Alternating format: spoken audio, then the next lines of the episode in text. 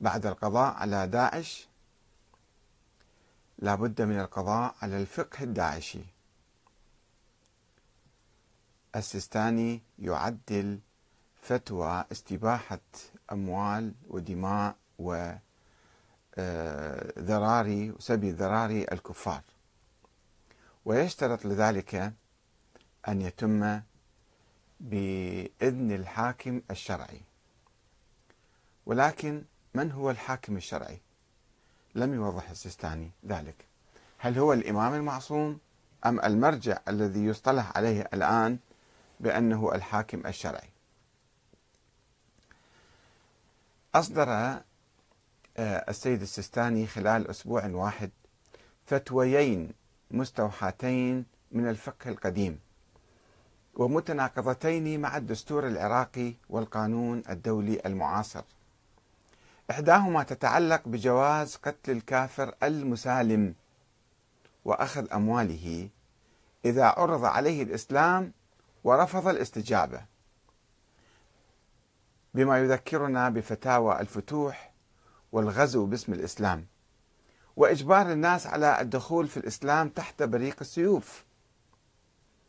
وقد حاول ترقيع هذه الفتوى باشتراط إذن الحاكم الشرعي وأيضا أن أن لا يتم ذلك يعني رفض الإسلام آه، عن قناعة. آه، وليس تنفيذ القتل بصورة فردية. يعني كان يفهم من الفتوى السابقة أن يجوز لأي إنسان أن يعرض على أي كافر مسالم ولا نتحدث عن المحاربين. الإسلام فإذا رفض الإسلام يجوز قتله وأخذ ماله وسبي نسائه. وذلك في جواب لاستفتاء جديد تقدم به موقع شفق العراقي. وأما الفتوى الثانية فهي تكملة للفتوى الأولى. عفوا. وتتعلق بسبي ذرية الكافر واسترقاق نسائه. طبعا بعد قتله وقد أجاز فيها السيد السيستاني الاسترقاق بشرط أن يكون الاسترقاق بإذن الحاكم الشرعي. وهذا نص السؤال والجواب من موقع شفق. وقد نشرته في صفحتي على الفيسبوك. السؤال التاسع. السؤال نساء الكافر الحربي هل يجوز استرقاقهن دون إجازة الحاكم الشرعي؟ وهل يجوز وطئهن قبل أن يسلمن؟ ولو اشترى أو امتلك جارية غير مسلمة هل يجوز له وطئها؟ الجواب لا يجوز. وبما أن السؤال كان يدور حول الاسترقاق والوطئ دون إجازة الحاكم الشرعي فإن مفهوم هذه الفتوى أو مفهوم هذا الجواب آه، أن يكون نعم يجوز. فقد جاء الجواب مختصرا لا يجوز. وهذا يعني الجواز إذا كان بإجازة الحاكم الشرعي. وقد حاول مركز الأبحاث العقائدية التابع لمكتب السيستاني أن يدافع عن فتوى الاسترقاق في التاريخ الإسلامي. فقال في الحروب التي جرت على مر العصور تعرضت النساء إلى عبادات جماعية من قبل غير المسلمين. ومثل هذا التصرف لا يرتضيه الإسلام. فالمرأة لابد أن لا تقتل من وجهة نظر الإسلام. لكن إذا بقيت تلك النساء سائبات في الدولة الإسلامية. بعد قتل أزواجهم يعني. وهن يحملن فكرا منحرفا وعقيدة فاسدة. فإن هذا يؤدي إلى انحراف المجتمع. لكن عندما يوضعن تحت ولاية رجل مسلم يختلف الحال ويكون سببا في دخولهن للإسلام.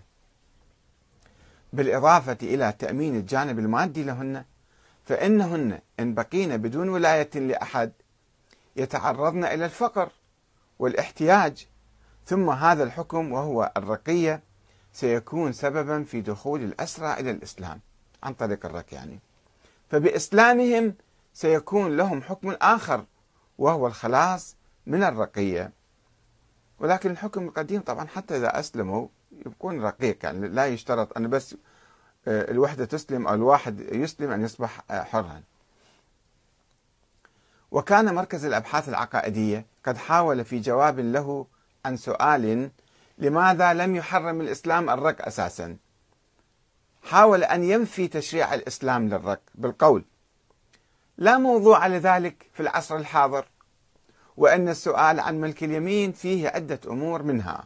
أولا لا بد من معرفة شيء وهو أن الإسلام لم يأتي بملك اليمين إلى الوجود إنما هو أمر واقع وموجود قبل الإسلام. ولهذا لا يمكن أن يلام الإسلام على شيء لم يوجده هو ولم يشرعه أبدا. نعم الكلام في إقرار الإسلام لذلك وسنتكلم عنه.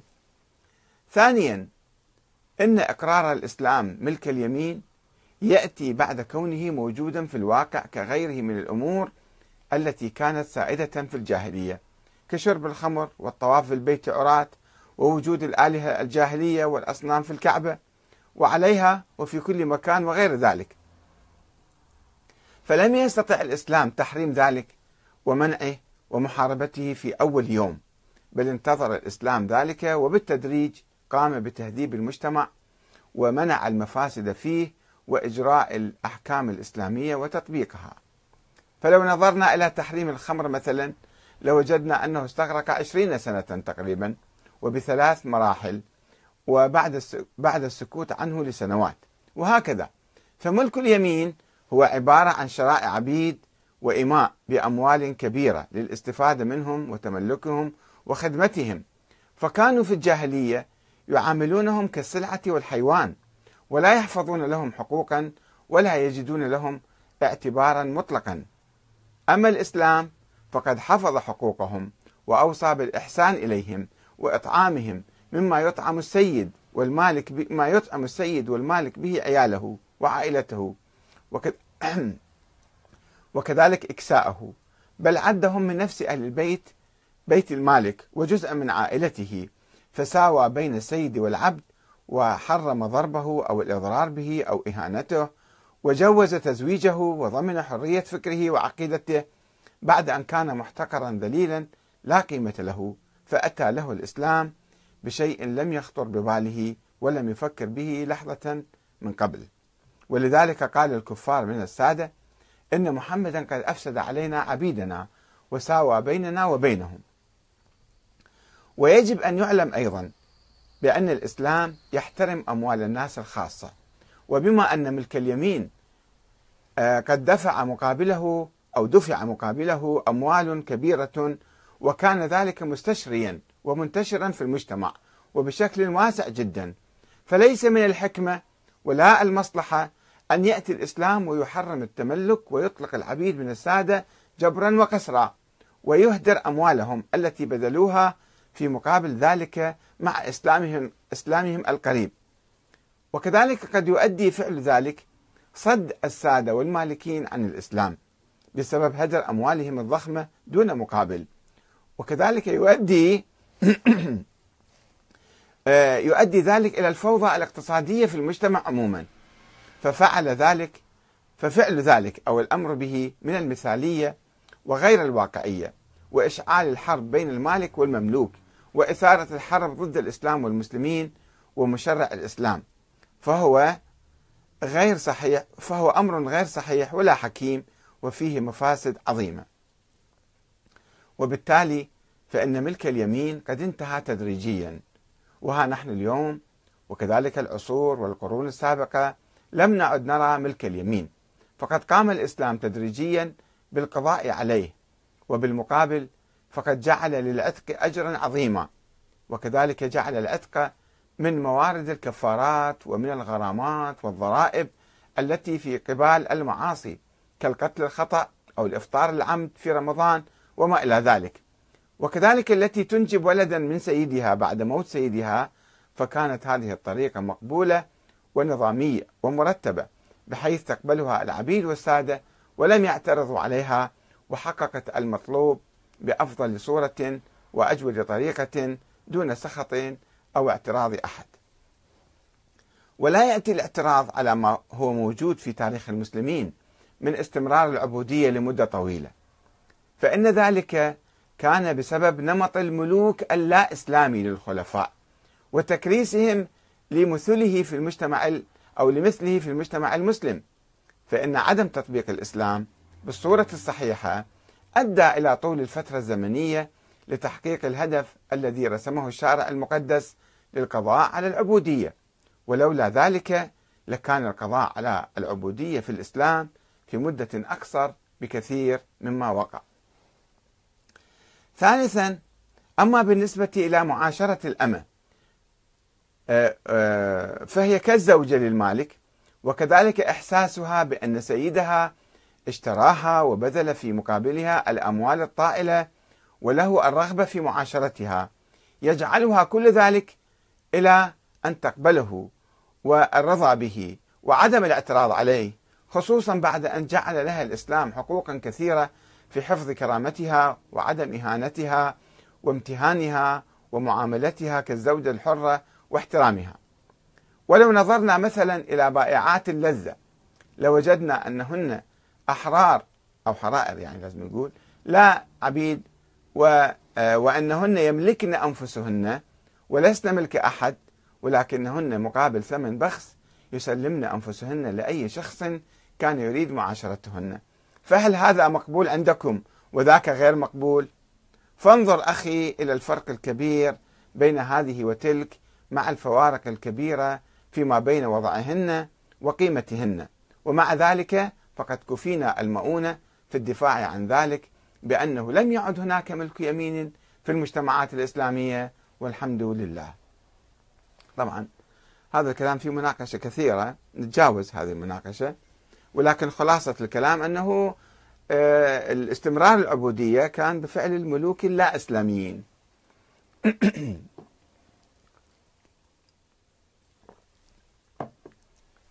نجي إلى فتوى السيد السيستاني الأخيرة. ولكن فتوى السيستاني تخالف ذلك التحليل والدفاع عن إقرار الإسلام للرق. أنه كان شيء مؤقت واضطراري وما كان بإمكان الإسلام أنه يعني يقضي على الرق. وإدانة استمراره في التاريخ الإسلامي بفعل الحكام اللا إسلاميين كما قال مركز الأبحاث العقائدية.